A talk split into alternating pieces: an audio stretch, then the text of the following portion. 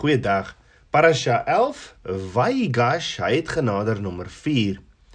In die Haftara of die profete gedeelte in die Ou Testament vir die week sien ons hoe die profeet Esegiel profeteer.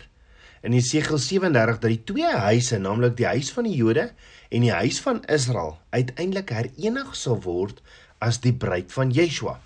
Toe die 10 noordelike stamme, die huis van Israel, afgebreek het onder leiding van die koninkryk van Rahabium, die seun van koning Salomo en afsonderlike koninkryk onder Jerobeam, die Eframiet, vorm het die huis van Juda en die huis van Israel hulle sin as om een volk te wees verloor.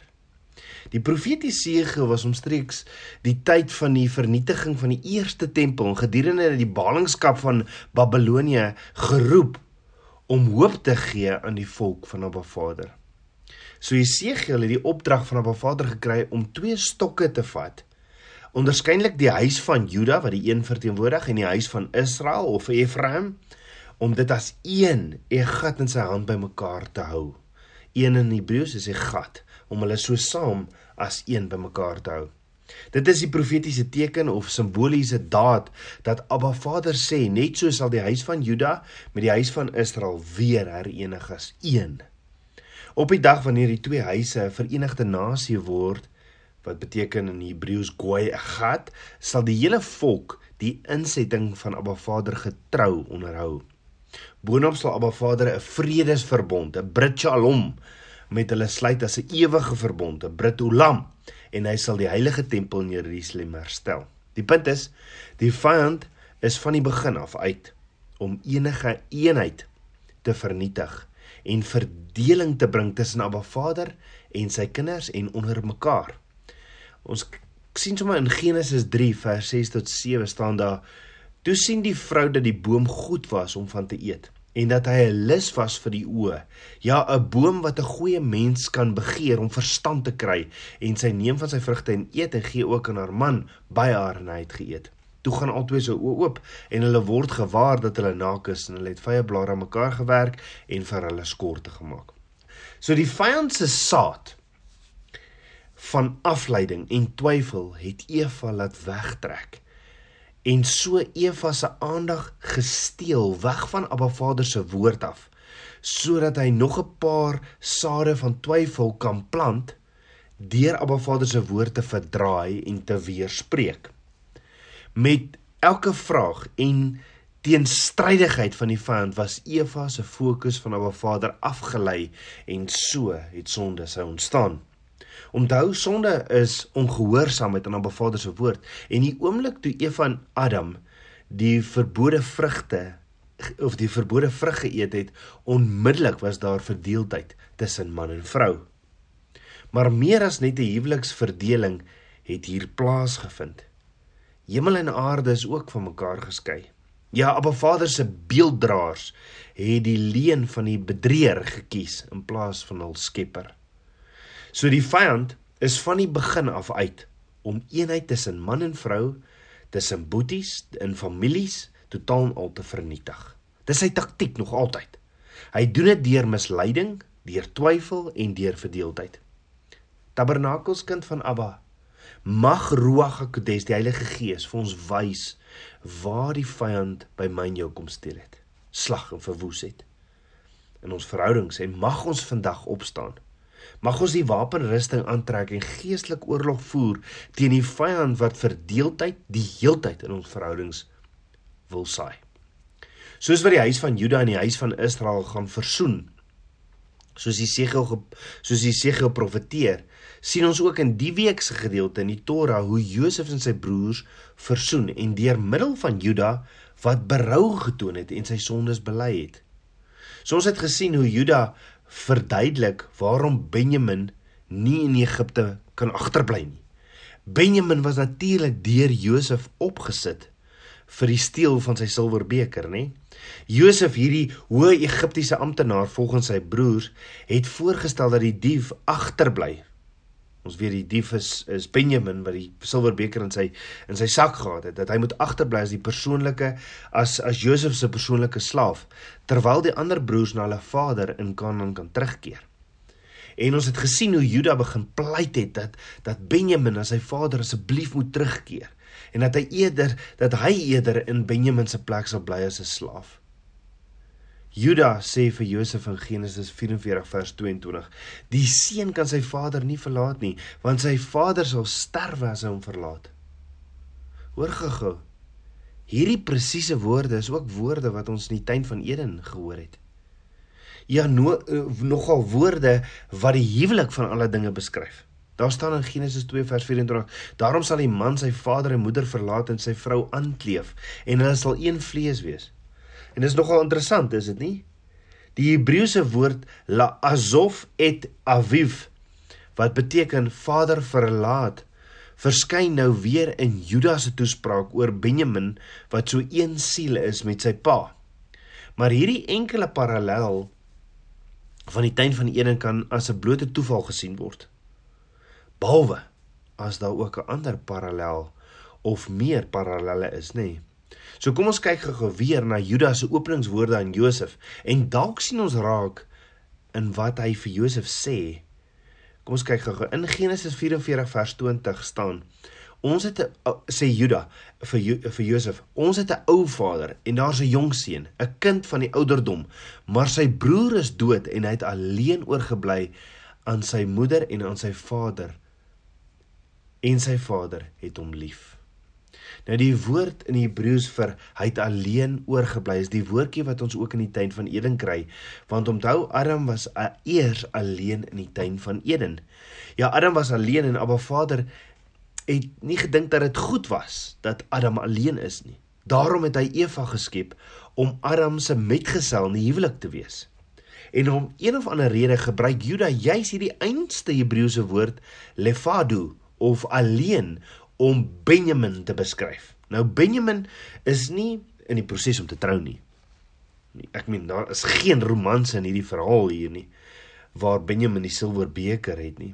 So waarom sal die woord dieselfde woorde gebruik wat sekere parallelle vir ons besig is om te trek? Wat probeer die skrywer van die woord vir ons te leer of te vertel? Miskien die verband tussen hierdie twee verhale te maak met wat juis nou volgende gaan gebeur. Jy sien Adam is alleen en hy's op die punt om Eva, 'n ander persoon te ontmoet. En wat gaan sy doen? Sy gaan hom voltooi. Hy gaan een word met haar, Egat. Maar hoor gou, net so is Benjamin ook alleen. Hy's die een wat oorgebly het alleen en hoewel hy dit nog nie weet nie, is hy ook op die punt om sy lang verlore ouer broer te ontmoet van dieselfde ma, Rachel. Inteendeel, nie net Benjamin nie, maar ook Juda, al 12 stamme is op die punt om te ontdek dat hierdie hoë Egiptiese amptenare amptenaar tweede in bevel voor wie hulle pleit en smeek eintlik hulle langverlore broer Josef is. Hulle is op die punt om te ontdek dat hulle gaan een word, Egat. Dit beteken dat Adam aan die een kant, Benjamin aan die ander kant as ware 'n ander helfte het 'n persoon met wie hulle 'n diepe verbond het. Iemand wat hom voltooi, iemand wat hulle voltooi en dat elkeen alleen is, soort van geskei van die ander persoon. Vir Adam is die persoon Eva, 'n vrou wat letterlik sy eie rib uit sy eie rib geskep is. Sonder haar mis hy mis hy iets wesensliks. Hy mis sy hy mis sy vroulike kant. Hy is slegs 'n deel van wat hy moet wees. Want by haar is hy volledig en een, 'n gat en eenheid. Want Abba Vader sê in Genesis 2 vers 24, daarom sal die man sy vader en moeder verlaat en sy vrou aankleef. Hulle sal een vlees wees. Met ander woorde om regtig heel te wees, moet Adam een wees met daardie verlore rib van hom met daardie vroulike kant van homself wat hy mis en net wanneer hy sy verlore rib ontvang en hulle een is wanneer hulle een is dan kan hy sy vader en moeder verlaat. En dit is die rede waarom 'n man sy moeder en sy vader veragterlaat en aan sy vrou vasleef en een word in die vlees. En dis hier dis presies hier waar die vyand inkom. Hy wil hierdie eenheid breek en vernietig. Daarom as ons iemand mis wat volgens regte by ons moet wees of wanneer ons van iemand in ons gesin vervreemd word is die pynlike gevoel van verlies en fragmentasie tasbaar Aan die een kant as ons teen alle waarskynlikheid 'n manier vind om mekaar weer te vind, wanneer broers op een of ander manier 'n manier vind om dit wat hulle van mekaar geskei het op sy te sit, as hulle mekaar weer vind as die en en na mekaar nader trek. Dit wat hulle naby aan mekaar bring is magneties en feitelik onweerstaanbaar. Josef en Benjamin saam hierdie familielink was was hulle saam is hulle 'n diep verweefde paar. Die enigste twee kinders van Rachel en tog het die noodlot hulle geskei want Josef sou as slaaf aan Egipte verkoop word. Let wel, dit was nie net die geografiese afstand wat hulle geskei het nie. Josef sou uiteindelik van sy familie vervreem word vir 22 jaar en deel word van 'n hele nuwe kultuur en 'n heel nuwe lewe. Maar selfs al bly hy in Egipte, bly Josef 'n Godvreesende man. So Josef het hierdie silverbeker opsetlik in Benjamin se sak laat sit. En nou beskuldig hy valslik dat hulle sy silverbeker gesteel het en hy het pertinent gesê in Benjamin se sak. En dit lyk amper asof Josef vervreemd is van sy familie en wou met alles in hom net vir Benjamin by hom kry. Maar deur die krag van Judas se woorde word Josef so so aangeraak. Want Juda beskryf die alleenheid van Benjamin as hy nie met sy pa verenig nie. Juda sê Benjamin is al wat oorbly van Rachel, hul moeder, die een wat Jakob regtig gelief gehad het. En toe Juda dit sê, toe smelt Josef se hart by die uitbeelding van Juda se woorde. Soveel soorte trane maak dat hy homself ontmasker. Hy ontmasker homself, hy openbaar homself as eh, as Benjamin se verlore ander helfte. Byna soos Adam en Eva hierdie eenheid, hierdie gat. Hulle omhels mekaar toe met trane van vreugde soos wat daar weer eenheid of voltooiing plaasvind. Hulle het mekaar uiteindelik gevind. Nou ek wil afsluit deur nog een punt by te noem. Josef omhels vir Benjamin en dit is dramaties en dis emosioneel, maar dit dien ook as 'n hoopvolle toegang tot iets baie baie groter. Want hoor wat gebeur net nadat Benjamin en Josef omhels het. Daar staan in Genesis 45 vers 15 en hy het al sy broers toe gesoen en aan hulle hals geween en daarna het sy broers met hom gespreek. Met ander woorde, dit was nie net Benjamin nie, daar was 'n groter kring van broers van wie Josef vervreemd was. En eers reik Josef uit na Benjamin, maar dan reik hy ook uit na na die ander broers.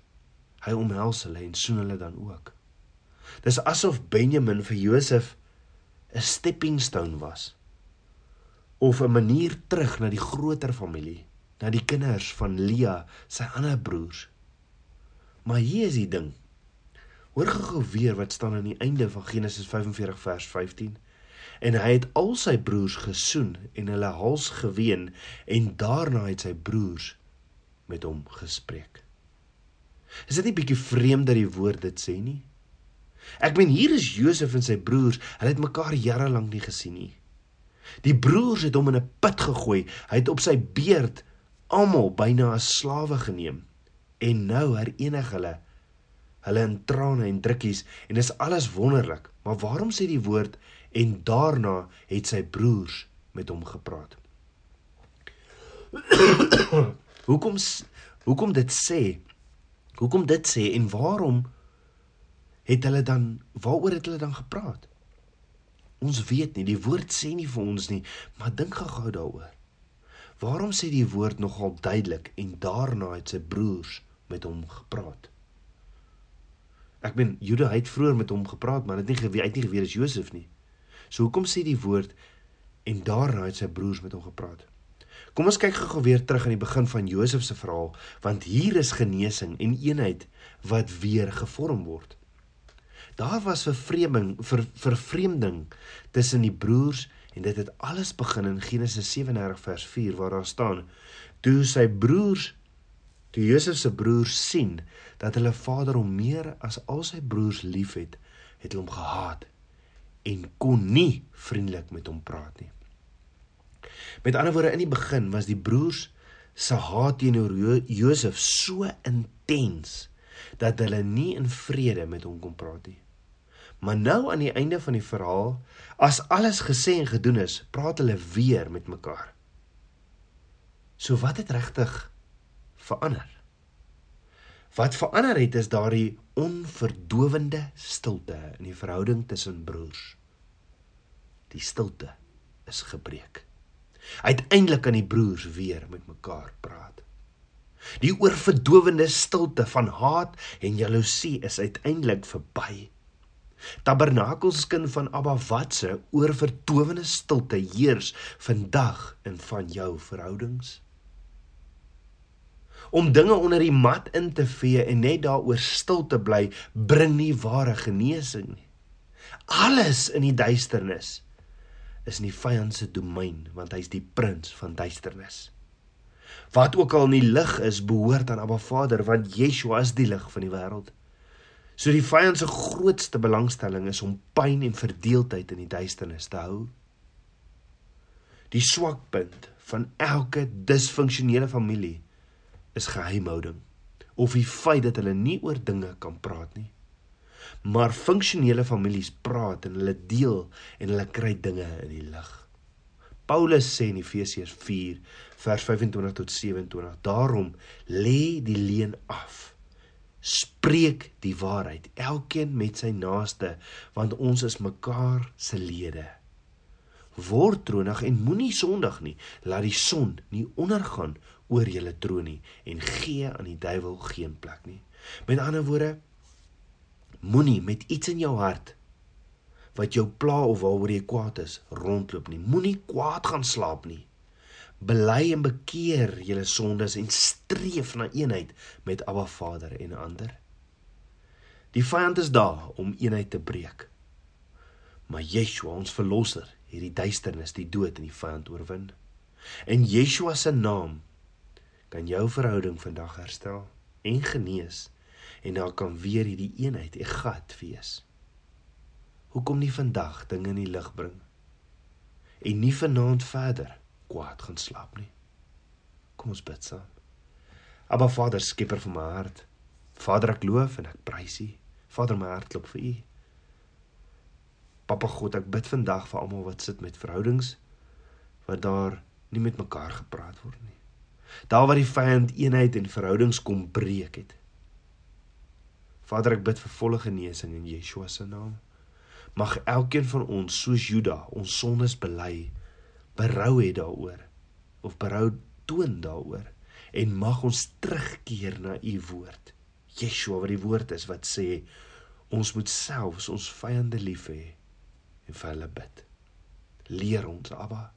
Ek bid dit alles in Yeshua Messie se naam, die seun van Jahweh. Shalom.